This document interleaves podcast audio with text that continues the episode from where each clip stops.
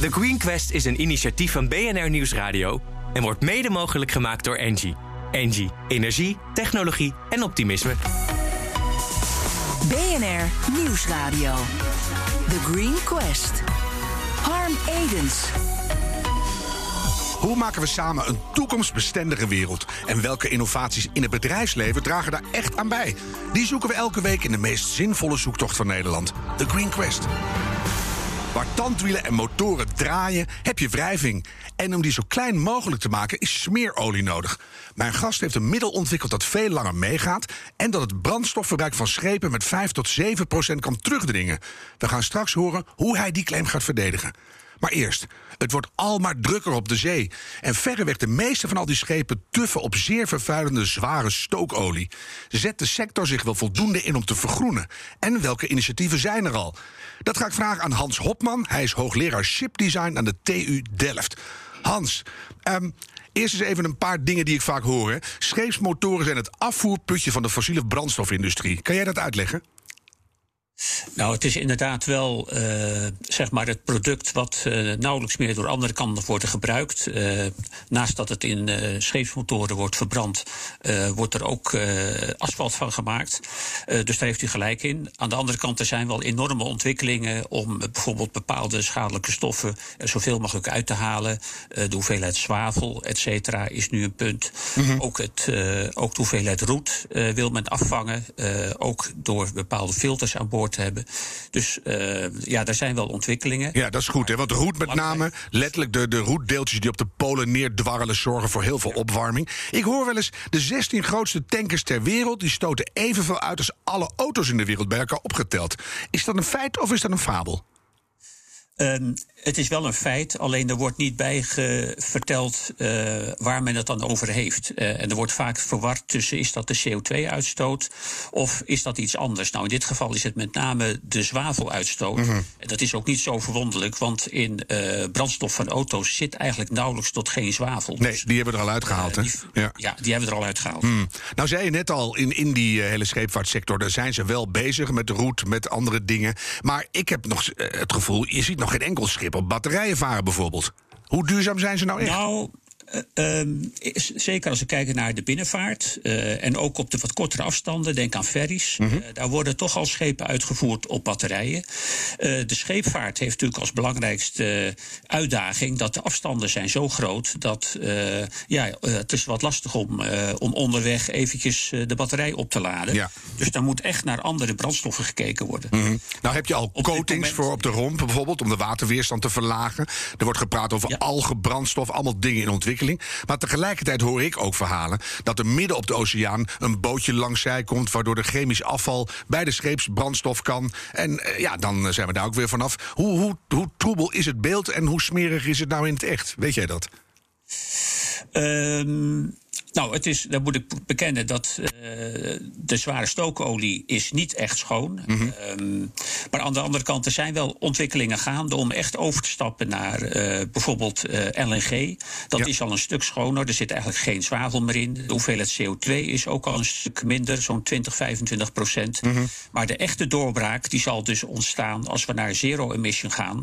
En dan moet het echt toch denken aan misschien batterijen op de kortere afstanden, maar eigenlijk meer richting uh, waterstof. Ja, daar wil ik zo meer over weten. Ik wil nog even van jou weten of jij die gifverhalen ook hoort. Dat er chemisch afval bijgemengd wordt. Is jou dat ook bekend of is dat weer mijn troebele kanaal? Nou, dat, dat is mij niet zo bekend. En uh, ja, die informatie komt ook niet zozeer bij mij terecht in mijn vak. Mm -hmm. Dus nee, dat, dat zou ik helaas niet weten. Laten we die even hangen. Waterstof. In hoeverre is dat wat jou betreft een, een echt goed alternatief om naartoe te groeien in die die scheepvaartsector?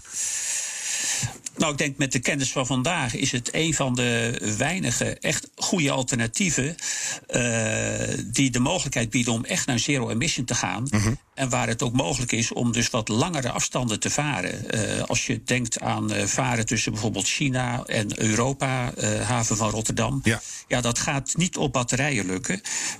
het nadeel is nog wel dat het aanzienlijk meer volume vraagt. Als je denkt aan in vloeibare vorm, dan moet je het heel koud maken is het toch wel, moet je zo'n 4,5 keer meer volume aan boord hebben om het Oh mee te nemen. Ja. En als het in gasvorm gaat en dan nog onder hoge druk, wel 7 tot 12 keer. Dus ja, dat vergt wel uitdagingen hoe we dat oplossen. Eh, er zijn ontwikkelingen, toevallig ook door een eh, start-up uit TNO ontstaan, Ja. om eh, waterstof te binden aan een soort zoutoplossing. En dan zou je het in vaste vorm mee kunnen nemen. Aha. En dat is aanzienlijk prettiger en veiliger. Dus daar ook ontwikkelingen. Ik mis nog één ding in je verhaal: het ouderwetse zeilschip. Nou, dat is eh, goed dat u het zegt. Eh, ook eh, op dit moment zijn er diverse ontwikkelingen gaande waarbij zeilen als een soort hulpvoorstuwing wordt gebruikt. Eh bedrijf in Groningen heeft al zo'n middel in de markt gezet voor de kustvaarders om aan boord te zetten. Er is recent toevallig een schip gecontracteerd door Neptune Marine hier in Nederland om stukken van de Ariane-raket naar de Stille Zuidzee te verplaatsen vanuit Frankrijk. En die heeft ook vier Kijk. Dus dat is zeker een, eh, een goed alternatief. Dus op de hele Uiteindelijk Op de hele brede linie wordt eigenlijk alles aangegrepen om die scheepvaart zo snel mogelijk te verduurzamen. Ik vind het trouwens wel grappig. Ik ben aan het tutoyeren, u bent aan het foevoyeren. Dus eh, Ja. hou- houden we dat vol of zullen we, eh, wat zullen we kiezen? Ik zal je en jij. Hou ik het ook vol. Vind ik leuk. Ehm, nou, nou zit je zelf in het, het scheepsontwerp. Hè. Is daar veel winst te behalen om de schepen gewoon heel anders vorm te geven?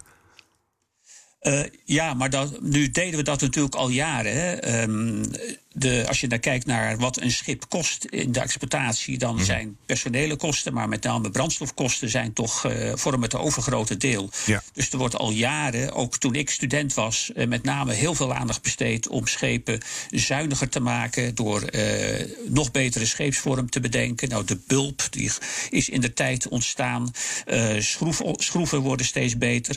Eh, er worden allerlei ja, kleine voegjes eh, bedacht die het, die het rendement of de weerstand nog verder kunnen reduceren. Ja. Maar denk ook aan eh, nieuwe vormen van eh, verf, antifouling. Eh, ja, er zijn diverse mogelijkheden. Ja. En als je dat bij elkaar vergeten- optelt, hè, Hans, Ja, ehm, Ja. heb je dan het gevoel dat de sector echt serieus vanuit zichzelf van plan is om heel duurzaam te worden? Waar, waar kunnen we dat het beste aan zien? Nou, dat is eh, goed dat u het zegt. Maar eh, een paar maanden geleden heeft de maritieme sector in Nederland met name laten zien dat zij zelf nog wat eh, snelheid willen maken. Aha. Ten opzichte van de plannen die internationaal, of de strategie die internationaal verwoord is. Die gaat ervan uit dat we de scheepvaart in 2050 zeg maar tenminste 50% CO2-reductie moet realiseren. Eh, de maritieme sector in Nederland heeft nu een plan bij de overheid neergelegd waarbij ze. Eh, denken zo'n 30 schepen eh, uit de hele maritieme sector, eh, waarbij ook de marine en de Rijksrederij een belangrijke rol spelen, om die rond 2030 dus zero emission eh, uit te voeren. Aha. Daar vragen ze wel wat subsidie voor, maar zo'n 75% van de kosten zal de sector ook zelf dragen. Kijk. En dan moet je denken aan zowel binnenvaart, visserij, kustvaart, zeevaart, et cetera. baggeren, alles bij elkaar. Dus dan krijgen Alles, we ja. rond 2030 echt een heel duidelijk beeld waar het heen Heb ik alleen maar eh, nog, nog een gewetensvraag aan je. Stel dat Nederland gaat meehelpen, Europa erachteraan met goede regels. Hebben we genoeg snelheid? Want we hebben haast. Nou ja, dat is dezelfde reden waarom eh, dit initiatief is gestart. Wij hopen daarmee eh, inderdaad snelheid te maken. Dat onze industrie ook eh, voldoende robuuste. Eh, oplossingen kan eh, ontwerpen. Waarbij je inderdaad gebruik maakt van eh, waterstof. Misschien ook ammonia. Dat is ook nog een alternatief. ja. Eh, ja, en als je die met deze schepen goed, goed kunt beproeven, ja, dan kun je er ook voor zorgen dat ze tegen de tijd dat alle schepen het nodig hebben, dat ze ook veel robuuster zijn. En daarnaast, het helpt onze eigen industrie natuurlijk om een stukje van deze markt te bemachtigen. Ja. Als de hele scheepvaart die kant op gaat. Ik ga enorm met je meehopen. En dank voor je mooie verhaal. Hans Hopman, hoogleraar shipdesign aan de TU in Delft. The Green Quest. Hoe bouwen we een echte circulaire economie? Nou, bijvoorbeeld door te kijken naar hoe ze dat in de regio Amsterdam aanpakken. Daar zijn inmiddels een paar mooie praktijkvoorbeelden die laten zien dat dat echt kan. Ons jurylid Jacqueline Kramer schreef daar een boekje over met de 10 principes van een circulaire economie. Jacqueline, fijn dat je even als eh, gast in het programma wil zijn, niet alleen als jurylid. Want ik, dat, dat boekje van jou, eh, dat, dat zijn bijzondere tien eh, mooie principes. En jij noemt daar netwerksturing als aanjager van circulariteit. Dat mag je even uitleggen als je wil. Ja, ik wil dat graag uitleggen aan de hand eh, van eh, de bedrijven met hun mooie duurzame producten en diensten die mhm. in de Green Quest ook participeren. Ja. Eh, want dan kan ik het echt goed illustreren. Die kunnen prachtige producten maken, maar als ze echt groot willen worden en een grotere markt willen veroveren, ja, dan zullen ze toch in netwerken moeten gaan samenwerken mhm. om te zorgen dat het systeem om hen heen ook mee verandert. Ja. En dat is, het gaat om de overheid met wetgeving en, en allerlei andere zaken. Het gaat om de aanbesteding, het gaat om klanten. Dat is eh, elke keer weer anders. Maar je, zult dat wel moeten organiseren. Dat mhm. die partijen allemaal met uh, hun neuzen dezelfde kant op uh, gaan kijken. Ja. Om te zorgen dat het echt ook een doorbraak wordt. Want dat is altijd het probleem. We kunnen heel veel mooie initiatieven nemen. En die blijven dan klein. Maar het gaat er natuurlijk om dat je die groot wil maken. Ja, en dat je het alleen niet kan. Hè? Ja, dus alleen kan je weer niks. Je moet het samen doen. Dus in jouw geval in je netwerk. Kan jij een voorbeeld noemen? uit de metropoolregio Amsterdam, die wat jou betreft geldt als echt het ultieme voorbeeld. Zo moet het. Ja, nou kijk, om nog even iets aan te vullen over dat netwerksturing... dan moet de luisteraars niet denken... ja, dat komt dan in de plaats van overheidssturing. Want het blijft gewoon heel erg essentieel... dat de overheid met, met uh, ja, allerlei wettelijke maatregelen... of anderszins, hè, met economische prikkels... zorgt dat, dat uh, echt die e-, circulaire economie... maar ook de energietransitie aangejaagd wordt. Mm -hmm. Maar uh, wij kunnen vanuit bijvoorbeeld een metropoolregio Amsterdam... een heleboel netwerken opzetten. Onder andere bijvoorbeeld matrassen. Daar zijn zijn uh, we in 2015 eh, mee begonnen. Nou, toen dacht ik, dat is een prima speerpunt. Want uh, als we dat nou herontwerpen en, en ook veel meer gaan recyclen... maken we een enorme klapper. Want het zijn ongelooflijk veel matrassen die we afdanken per hmm. jaar. En die belanden nu allemaal, of een groot deel in ieder geval... in de verbrandingsoven. Maar de afvalverbrandingsinstallaties... die kunnen die eigenlijk niet zo goed hebben... want het, het fikt niet zo lekker. Nee, het is een hopeloze troep. Het is te hoog calorisch. Ja, ja. Dus het, eigenlijk willen de afvalverwerkers ervan vanaf. Ze willen het ook niet omdat die matrassen, als je ze opslaat, uh, heel brand uh, onveilig zijn. Mm dus die hadden iets van: als je iets anders vindt, graag, want we willen er vanaf. De recyclers, die waren er wel, maar op hele kleine schaal. En die kwamen er gewoon niet door, omdat hun technieken nog duurder zijn. Ja. Dat is altijd natuurlijk in het begin. En dat is nu opgelost? Wat heb ik toen gedaan? Toen dacht, dacht ik van ja, dat helpt helemaal niet als ik dat in de regio probeer op te lossen. En toen heb ik de hele keten bij elkaar uh, gebracht. En gezegd: als jullie nou kijken wat jullie met z'n allen moeten doen om dit uh, dilemma op te lossen, wat is dan jullie antwoord? En toen kwamen ze met een producentenverantwoordelijkheid. En toen heb ik samen met uh, een ander iemand die dat ook organiseert, dit soort processen, heb ik gezegd: oké, dan gaan we zorgen dat het voor elkaar komt. En dat is gewoon voor elkaar gekomen. Kijk, en dat is nu landelijk uitgerold. Ja, nou, en zo hebben we meer voorbeelden. En die, die zijn allemaal terug te vinden in jouw boekje. En ook hoe dat exact met die matrassen in elkaar stak. Ik, ik raad iedereen aan om dat even te gaan lezen, want het zijn hele handige tienpunters. Ik ga je bedanken, Jacqueline. Blijf hangen, want we gaan kijken of ons nieuwste aanwinst in de Green Gallery er helemaal klaar voor is. Elke week zoeken we in dit programma naar de meest duurzame innovaties van Nederland.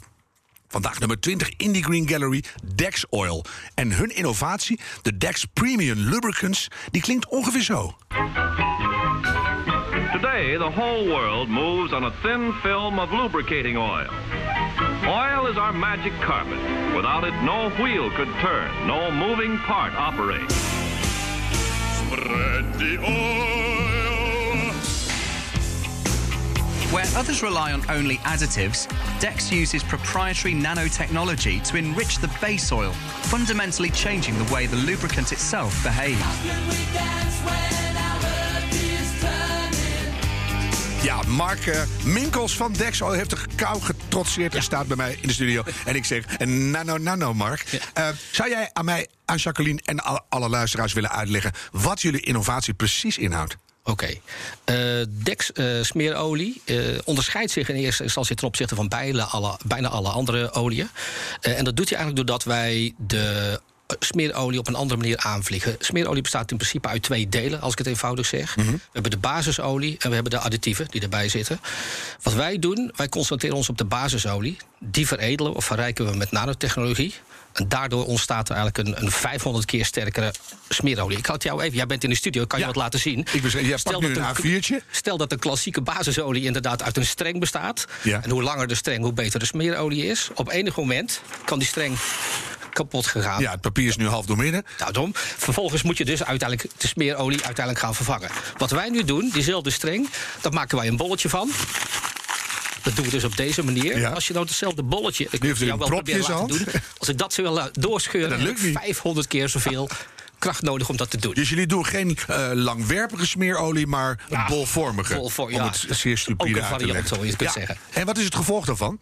Eh, dat, nou, uiteindelijk is het gevolg dat wij een, een, een veel sterkere olie hebben. Eh, een van de eerste eigenschappen is dat die veel langer zeg maar, in, de, in de motor kan blijven zitten. De standheid is veel langer. Mhm. En vervolgens heb jij ehm, minder brandstof benodigd. En je, je, de, het bijeffect daarvan is dat je veel minder CO2 en NOx Ja, dus het werkt beter, het gaat langer mee en daardoor dus op Ja. alle fronten besparing. Juist. Jacqueline, jij hebt met gespitste oren zitten luisteren, schat ik zomaar in. Ehm, heb jij een vraag al? Nou, eh, die nanotechnologische behandeling, dat Ja. is natuurlijk voor de meeste luisteraars en voor mij ook een beetje een, een toverwoord waar we niet weten wat het precies eh, betekent. Nee, nou voor mij dan weer helemaal niet, dat- Jacqueline. Maar laten we het even laten uitleggen. Laten we het eventjes eh, vragen aan Mark. Ja, laat ik het zo zeggen. Het, het hele verhaal kan ik niet uitleggen. Dat is ook een beetje de geheim van de smid natuurlijk. Want zo simpel is het ook nog een keer. Ik, ik dacht dat de meest plastische uitleg was inderdaad het bolletje. Maar de bolstructuur zorgt er uiteindelijk wel voor... dat je eh, uiteindelijk een veel betere eigenschappen... andere en onderscheidende eigenschappen aan die smeerolie kunt eh, toevoegen. En nog, een- nou, heb, je, dat- heb je nog een vraag, Jacqueline? dat zo eh, interpreteren. En vertel me eens, je, je gebruikt natuurlijk de, dat product bij smeerolie. En dan denken we niet aan de meest duurzame producten. Nee. Ehm, en eh, ik begrijp best eh, dat dat niet overal kan. Maar mijn vraag is erop gericht. Waarom eh, probeer je da- eh, jullie tovermiddel ook niet bij eh, bio-olie eh, eh, toe te passen? Ja. En, en want die is bi- biologisch afbreekbaar en niet toxisch. En als je kijkt naar bio-olie, nou dat, dat bestond al in de oudheid. De, de Egyptenaren die gebruikten eh, 1400 voor Christus al dierenvet en calciumzeep om de wielen van de, de strijdwagens te smeren. Oh, dat is mooi. Dus ik zou zeggen, het is zo oud als Methuselem om Ja, dat te doen. En nog ouder. Ja, Jacqueline, leuk. Je weet niks van nano, maar wel weer van de oude Egyptenaar. Mark, waarom in- doe je geen bio-olie? Nou, in, in principe kunnen wij onze technologie op elke basisolie toepassen, laat ik het zo zeggen. En vervolgens moeten er additieven bijgevoegd worden. Dat heeft ook alles ermee te maken met de OEM-eigenschappen en de wensen van de leverancier van- van de motoren. Dus dat is wat we doen. En het tweede wat wij enorm belangrijk vinden, dit is een technologie die je vandaag of morgen kunt doen. Het is heel simpel. Als je je smeerolie vanmorgen moet veranderen of verwisselen, dan pak je die van Dex. Neem deze, want die is beter. Juist, zo Ja. simpel is het. Je Ja. hoeft er niks speciaals voor te doen in de keten, in de hele organisatie niet. Hm? Nou is die nog niet plantaardig, maar eh, wat is wel concreet je impact? Ik noemde net 5 tot 7 procent besparing in zijn geheel. Ja. Kan, je, kan je dat iets specificeren? Ja, er zijn, als je het kijkt naar wat wij op dit moment zeg maar, in de praktijk meten, in de, de diverse zaken, dan hebben wij een NOx-verbetering van tussen de 15 tot 50 procent. Dat enorm veel is. En we hebben het heel vaak over de CO2. Maar de NOx is bijna nog spannender. Dat NOx moet je eigenlijk uitleggen. NOx. Ja, dat is, en dat is ook tegelijkertijd wat complexer zeg maar, te laten zien. De CO2 die loopt parallel aan de brandstofbesparing. Afhankelijk van welke brandstof krijg je een factor. Maar dan heb je de factor 3 tot 6. 3 is voor de brandstoffen. Als ik een beetje naar de wegtransportsector kijk. Ja. En natuurlijk, doordat je veel minder olie nodig hebt, heb je veel minder eh, inkoop. En met veel minder, dan moet je toch rekening houden met. Nou, het minste wat we kunnen is dat de standtijd 4 tot 5 keer langer is. Maar het langste wat we al tegen zijn gekomen is 36 keer. Dat die 36 Oh. keer zo lang Kijk, blijft zitten. now you're talking. Ik hoor jou denken, Jacqueline, want je bent niet voor niks ook eh, economisch onderbouwd. Hoe zit het met de prijs? Jazeker, want daar kijken we natuurlijk vanuit de Green Quest ook naar. Wat is nou de business case? Ja. En ik zorg een beetje voor, voor van het prijskaartje, dus tien keer duurder. Maar goed, eh, het kan tien keer effectiever zijn, en dat laat Mark ook zien. Maar dan toch nog kan, kan ik me voorstellen dat dat niet eh, de, de enige reden is dat, eh, de, ander, de- dat de klant wil overstappen op jouw middel. Want wat is nou eigenlijk wat de klant werkelijk triggert om jouw product te kopen? Omdat het zoveel duurder is en ja, je een heel verhaal moet houden om te bewijzen dat je eh, echt eh, beter bent. Ja, is, is het echt tien keer duurder, Mark? Nou, dat ligt er een beetje aan waar je het mee vergelijkt. Als je het inderdaad appels en peren gaat vergelijken, dan kan je een factor 10 tegenkomen. Zo simpel is het gewoon. Als je het eh, appels met appels gaat vergelijken, is het niet zo extreem. Wat je ziet is dat alle mensen die ons product op dit moment afnemen, die hebben daar een speciale reden voor. Heel vaak dus inderdaad de CO2 dan wel NOx-besparingen. Dus dan uit een soort idealisme van wij willen gewoon ja, beter. Maar als je de business case rondrekent, dus alles erbij, dus de brandstofbesparing in combinatie met de minder olie, de langere standtijd, dan zien ze uiteindelijk dat ze over het algemeen een winst hebben. En dat zijn zeer serieuze winsten zelf, mag ik wel zeggen. Dus uiteindelijk betaalt het zichzelf snel terug. ja, dus dan ben je eh, heel gek als je het niet onmiddellijk gaat doen. Ja. Hoeveel klanten heb je al? Ja, wij hebben op dit moment, we zijn nu echt industrie bezig. We zijn er tussen de 100 en de 150 in het groot. Maar om een mooi voorbeeld te geven: reinigingsbedrijf Midden-Nederland. die hebben afgelopen jaren uitgebreide testen gedaan. Mm -hmm. uh, dus een afval- en grofvuilinzamelaar in Midden-Nederland. En die hebben 400 eenheden met motoren voorzien. En die hebben na de test gezegd: alles gaat op DEX. Puur omdat ze in de vergroening heel erg sterk bezig willen zijn. Maar dan vraag jij toch aan zo'n uh, enorme unit van mag ik je gegevens en dan gooi je dat in uh, het land, in Europa, in de wereld en dan zegt iedereen dit is de oplossing. Nou, dat is waar we op dit moment mee bezig zijn. Het is natuurlijk, je komt vanuit een start-up, inmiddels zit je in een scale-up, dus je bent het bedrijf aan het letterlijk aan het opschalen.